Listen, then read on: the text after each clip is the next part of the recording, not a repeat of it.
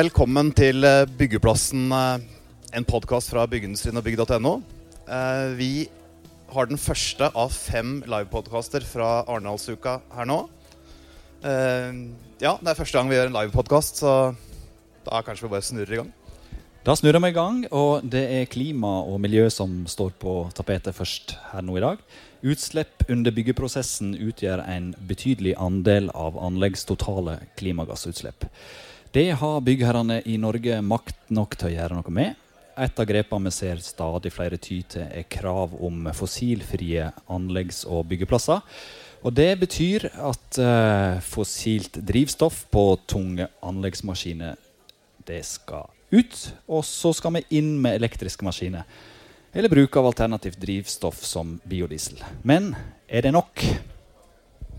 For å diskutere det så har vi med oss eh, Ståle Rød, konsernsjef i Skanska Norge, og Ingrid Dahl Hovland, administrerende direktør i Nye Veier. Og siden det er byggherrene som setter premissene her, så starter vi med deg, Ingrid. Hvor høyt på lista står klima og miljø når dere starter planleggingen av et stort veiprosjekt? Det står eh, høyt, helt klart, og det ser en jo òg ut av programmet her på Arendalsuka. Det er klima og bærekraft nesten på annethvert eh, innlegg eller arrangement. Det er veldig viktig, og det som er aller viktigst når det gjelder klima- og miljøspørsmål, det er òg at en kan måle. Hva er det vi faktisk måler? Eh, og når vi starta i Nye Veier med å se på eh, bærekraftsmålene eller klima- og miljømålene våre, så eh, tok vi tak i den eh, beregningsmetoden som lå der, som er veldig komplisert.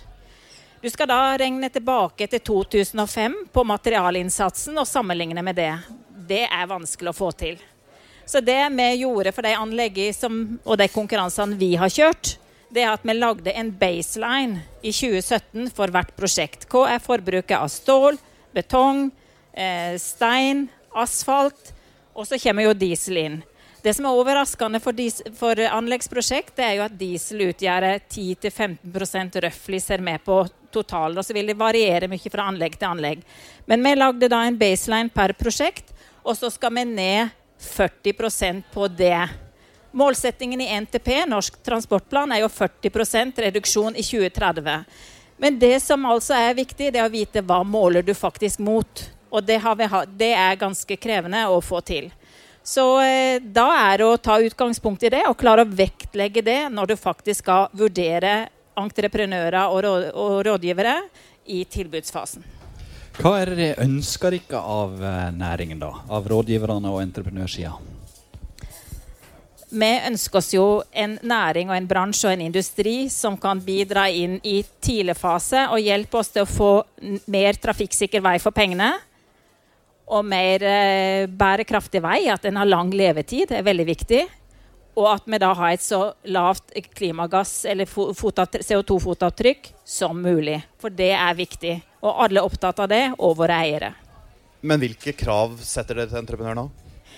Ja, Det vi har gjort uh, nå i første omgang, det at vi har brukt litt andre konkurranseformer enn det en tidligere har gjort. Uh, og Da er det fem overordna mål som du skal levere på utover det som ligger i uh, spesifikasjonen for anbudet.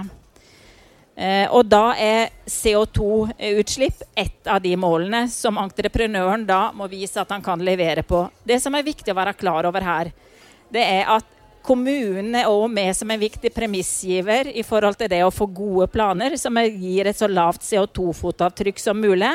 Altså redusere på omfanget eh, av materialer som gir et høyt CO2-fotavtrykk. Det skal vi komme litt tilbake til etterpå. Men først så må vi få på plass deg og Ståle. Ståle Rød, administrerende direktør i Skanska, det har altså satt fokus på klima under Arendalsuka. Det stiller spørsmålet på et eget arrangement. Hvordan kan vi bygge oss ut av klimakrisa? Det høres vanskelig ut. Det går vel ikke an å bygge seg ut av en klimakrise? Jo, det tror vi eh, faktisk at det er mulig. Eh, ellers hadde jeg ikke stått her. Eh, og eh, jeg tror faktisk at eh, bygg- og anleggsnæringa må ta inn over eh, oss det du egentlig introduserer med, at vi står for en betydelig del av de klimagassutslippene som er. Eh, men så ser vi det at vi samtidig sitter på både mulighetene, men også kompetansen til å kunne gjøre noe med det. Eh, men det krever at vi tenker litt annerledes, at vi jobber litt annerledes, og at vi gjør litt andre prioriteringer eh, i prosjektene våre enn det vi har vært vant til. Og så stiller det krav om at kompetanse blir brukt i en mye tidligere fase av prosjektene enn det som tradisjonelt har vært vanlig. Og dette er jo element som akkurat Ingrid drar opp her som viktig for å lykkes i mange, mange perspektiv med å få mest mulig vei for pengene og mest mulig bærekraftig vei for pengene. Hvordan merker det at uh, entreprenørene begynte å stramme litt til her? Nei, eh, byggherrene, mener jeg. Hvordan merker det på at de stiller sterkere krav til miljø og klima i sine konkurranser, f.eks.? Det vi ser, her er, her, er, det veldig stor forskjell, men det vi ser er jo at, eh, at store seriøse byggere som bl.a. Nye Veier stiller krav i anskaffelsesprosessene.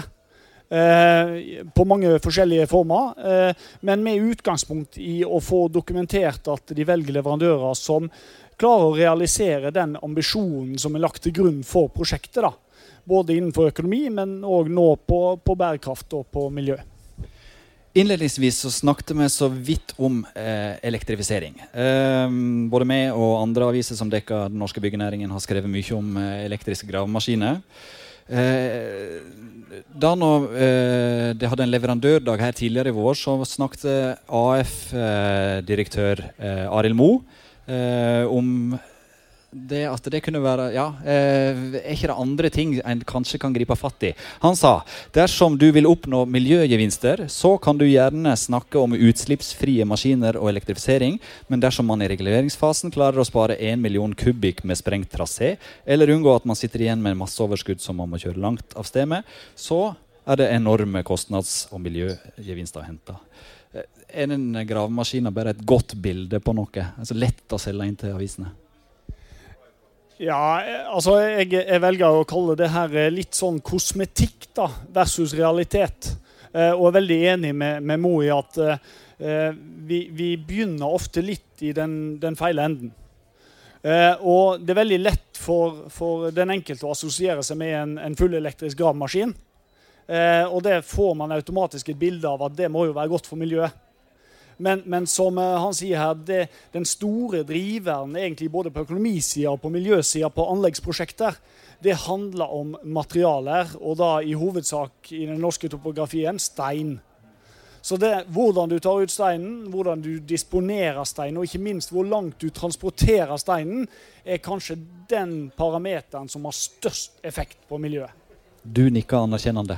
Ja, for det er her eh, du har eh, den beste muligheten til å få ut gevinst. Og eh, Det er jo derfor vi nå tar med oss entreprenøren på regulering bl.a. på den strekningen ned til Mandal, for å kunne få redusert fotavtrykket så mye som mulig så tidlig som mulig.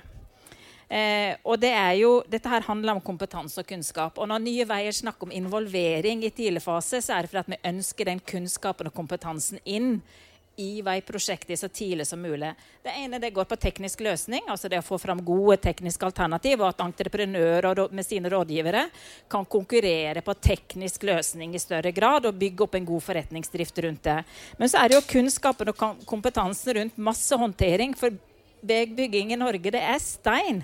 Det er bruk av stein.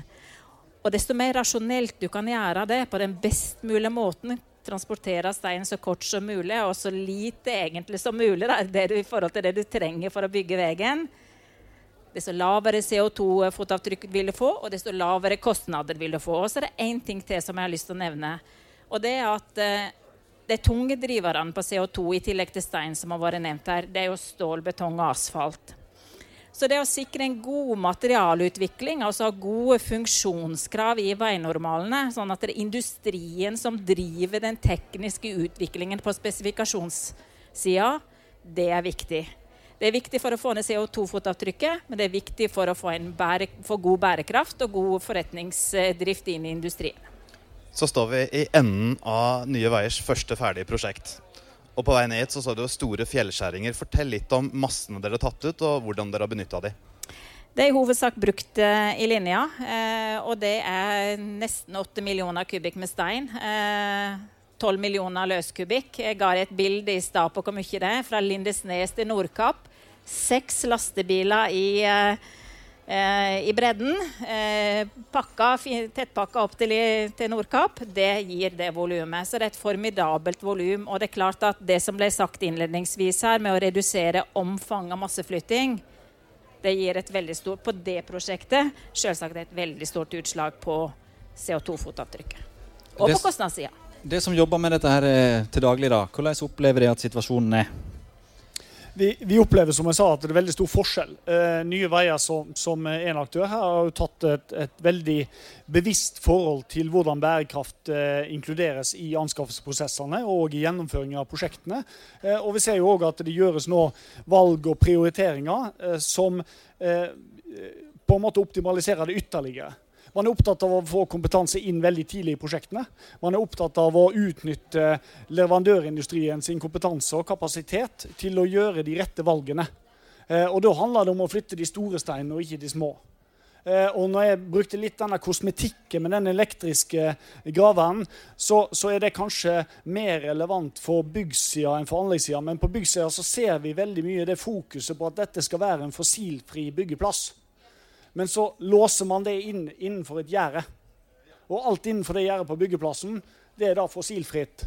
Og så adresserer man ikke at det går kilometervis lange køer med lastebiler og flytter stein. Og, og der ligger, som vi sier, store, eh, det store elementet her i forhold til å få en endring. Men det er bra nå at kompetanse brukes på en annen måte. Og eh, vi løser jo ingen klimakrise alene. De utfordringene vi har, de må vi stå sammen om, og vi må finne gode løsninger. Vi tar en liten pause for å få et par ord fra våre samarbeidspartnere.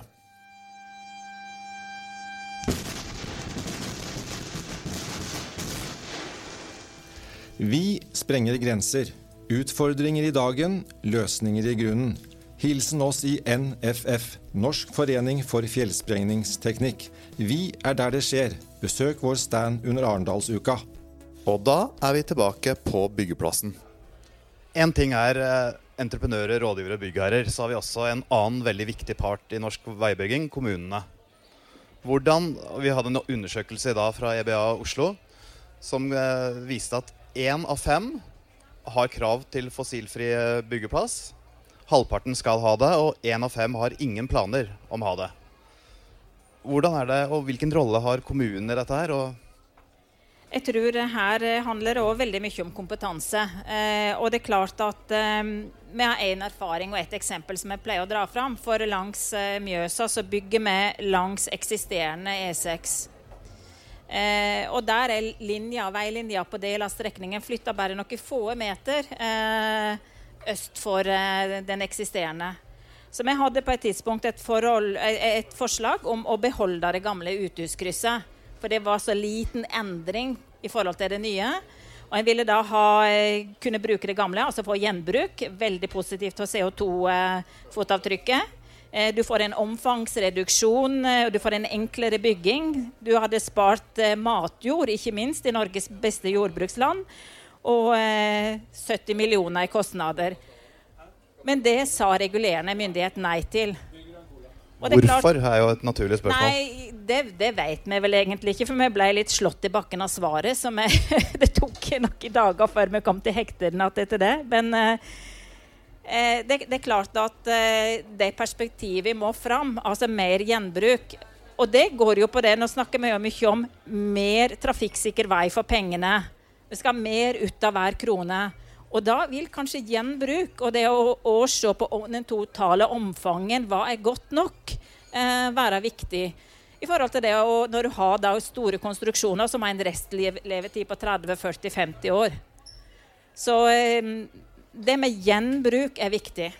Jeg må nesten spørre, Du skal få eh, ordet, Ståle, men jeg bare nesten spørre, eh, hva var det som lokka mest for dere? Var det å kutte 70 millioner, eller var var det å få miljøgevinst? Nei, For oss var det hele pakken. Eh, fordi at eh, i det eksempelet, som i veldig mange andre eksempel, så klarer du å redusere CO2-fotavtrykket, så reduserer du også kostnader. Så du kan egentlig ta miljøperspektivet først, faktisk. Det er veldig interessant, for det er ofte snakk om gjenbruk eller en omfangsreduksjon. Så får du en pluss på kostnadssida. Vinn-vinn. Jeg trodde egentlig klimatiltakene kosta litt ekstra. Vi gjør ikke det. Eh, Du hadde noe på hjertet, Ståle Rød. Ja, Det var egentlig bare for å fylle på den dimensjonen. og det, det går egentlig på at med de utfordringene vi står overfor da, eh, i bygg- og anleggssektoren, så, så kommer ikke vi utenom å ta i bruk eh, begrepet sirkulærøkonomi og gjenbruk av konstruksjoner.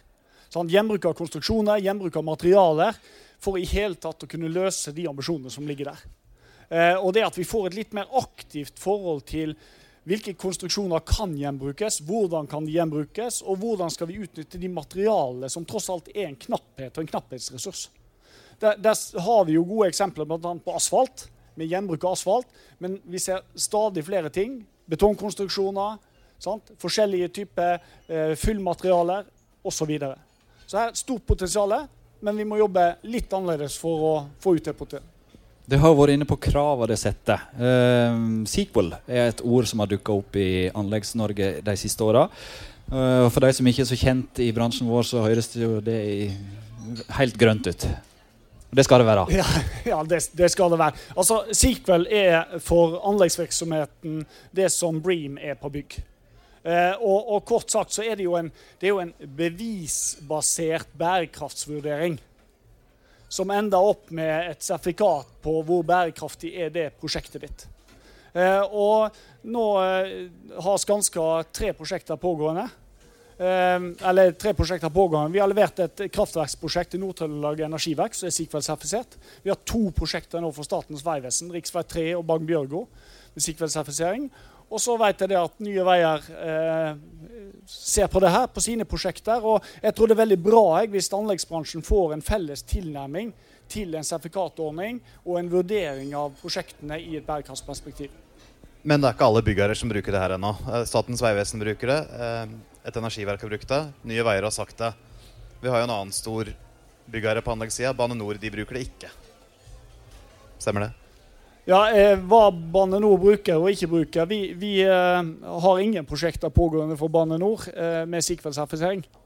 Eh, men jeg regner jo med at eh, de store offentlige byggerne de, de, prater sammen. Og jeg håper at de eh, til slutt kan enes om én felles måte å, å, vurdere prosjektene sine og sertifisere prosjektene på. Hva slags erfaringer har dere Ingrid, med, med Sequel? Ja, Vi er akkurat i gang nå med å stille krav. og Det, det som er viktig her, er jo sertifiseringsordningen. At du kan begynne å sammenligne og realitetsbehandle eh, ulike prosjekter i forhold til hverandre. Og at en da klarer å bruke det i så tidlig fase at du får effekter inn på trasévalgsida. Så det er, er, veldig positivt. Så vi sertifiserer jo nå eh, våre folk for å kunne bruke det for fullt. Litt tilbake til de elektriske graverne våre. Eh, hva slags praktiske utfordringer byr det på når du skal til med elektriske gravemaskiner på en anleggsplass? Nei, når, vi prater om elektriske graver, og når mange prater om det nå, så får vi liksom inntrykk av at dette er noe nytt. Men det er jo viktig å ha det perspektivet at elektriske graver det har vi hatt i bygg- og anleggsnæringa i 30 år. Eh, og hvis du tar eh, tunnelvirksomheten i Norge, så har jo stort sett drifta av tunneler vært elektrisk drevet i svært mange år. Men når vi starta med det, så hadde det et litt annet perspektiv. For da handla det om å bytte ut den dårlige lufta inne på Stuff. Så det var et helseperspektiv som lå til grunn for å gå over til elektrisk drift. Um, utfordringen med elektrisitet er jo at uh, du trenger den, og du trenger ganske store mengder av den til redusert tid. Så effektbehovet der du trenger elektrisk kraft, det er stort. Eh, og I noen områder så må du faktisk bygge ut infrastrukturen for å kunne levere den, den effekten som graveren trenger. Og Det er en utfordring, og, og det må jo inn i på en måte helhetsvurderinger da, av hvor viktig er det for deg at den gravemaskinen er elektrisk, eller om man går på diesel. Og Kanskje så kan andre grep i prosjektet gjøre en vesentlig større effekt enn akkurat at gravemaskinene går på strøm. Så her blir det en sånn økonomisk eh, bærekraftsvurdering opp mot miljømessig det er helt rett. bærekraftsvurdering. Det er helt rett. Ja. Fins det ladeangst i gravemaskiner? Det finnes helt sikkert ladeangst i gravemaskiner. Jeg er ikke, ikke kjent med den. Men, men det som er, er, klart, er jo at når du skal ta ut så mye energi, eh, så kreves det store mengder strøm. Eh, og, og teknologien i forhold til batteri er krevende der. Men eh, hvis du har rasjonelle byggeplasser og en systematikk som bl.a. i tunneldrifta, så er det ingen problem å kjøre maskinene på strøm ved kabel. Det er jo det vi tradisjonelt har gjort. Men hvis dere skulle stilt krav til eh, elektriske maskiner på deres prosjekt, hadde det vært nok maskiner å oppdrive? Altså, er markedet modent nok? Jeg er litt usikker i forhold til anleggssida. Det tror jeg Ståle faktisk er litt nærmere til å kunne svare godt på enn det jeg er. Men det vi har vært opptatt av så langt, det er å ha eh, ikke kun krav til, eh, til elektrifisering av maskinparken, men å få in inkorporert materialdelen. da. Sånn at du har hele perspektivet. Men er det, er det bare fordi at det er så enkelt å klippe den snora når du eh, kjøper den maskinen, at det får så mye publisitet rundt de maskinene der? I må tre gammelt nytt. Nei, men du, du er tilbake igjen til det. Hva, hva er det eh, folk flest klarer å assosiere seg med? Sant? Og Vi opplever på en måte elbiler som veldig bærekraftige og, og, og bra for miljøet. Eh, og da tenker vi automatisk det samme på gravemaskiner. Og, og, jeg sier ikke det at det er feil, men jeg sier det at eh, det er kanskje andre ting som gir en større effekt i prosjektene på bærekraftsida. Så jeg, jeg tror det viktige her er på en måte helhetsperspektivet. Eh, hvor er det du skal legge inn energien i forhold til hva du vil ha ut? Skal dere lykkes med å planlegge dere vekk eh, fra utslipp og sånne ting, så har dere vært inne på det trenger politikerne. Eh, og nå er det lokalvalg. Eh, hvordan skal en ha den dialogen med politikerne? Har en plattform der både entreprenører og byggherrer For her er det en felles ytre fiende, da, hvis jeg kan kalle det det. Eller er det en fiende? Nei, jeg vil, ikke, jeg vil, ikke, si at kommunen er en fiende her. Men jeg, jeg, vil si at det er veldig viktig den dialogen mellom byggherrer, eh, leverandører og kommunene i forhold til hvordan kan vi sammen utvikle prosjekter som eh, ivaretar det totale bærekraftsperspektivet. Økonomien er én ting, helse, miljø og sikkerhet selvfølgelig i forhold til arbeidene, men òg miljøet og det ytre miljøet. Eh, og En av de tingene vi har savna litt, og, og, som blir mer og mer aktualisert nå, helt sikkert Ingrid kan prate mer om, det er jo kommunens evne til å absorbere de mengdene med stein, f.eks., som skal ut av prosjekter. Eh, og det å ha tilrettelagte planer, langtidsplaner for hvordan tenker du å disponere eventuelt overskuddsmasser i din kommune kan steinen gå direkte fra tunnelen til å f.eks. bygge en gang- og sykkelvei som du har hatt lyst på lenge? Og I et, i et sånt bærekraftsperspektiv så er det mye bedre å kjøre et stein direkte til der han endelig skal være, enn å kjøre den via et depot. Og Vi ser jo mange byer i Norge som kjører stein til et depot. Og den dagen du har tippa den der, da er effekten vekke. Da er miljøgevinsten vekke. Har dere en sånn dialog med noen kommuner? Nei, men Det foregår jo ofte i tidlig fase. og Det er jo litt eh, det jeg var inne på innledningsvis. Det å få det perspektivet inn så tidlig som mulig, eh, det er viktig. For da kan eh, entreprenører og rådgiver i større grad jobbe direkte inn mot regulerende myndighet.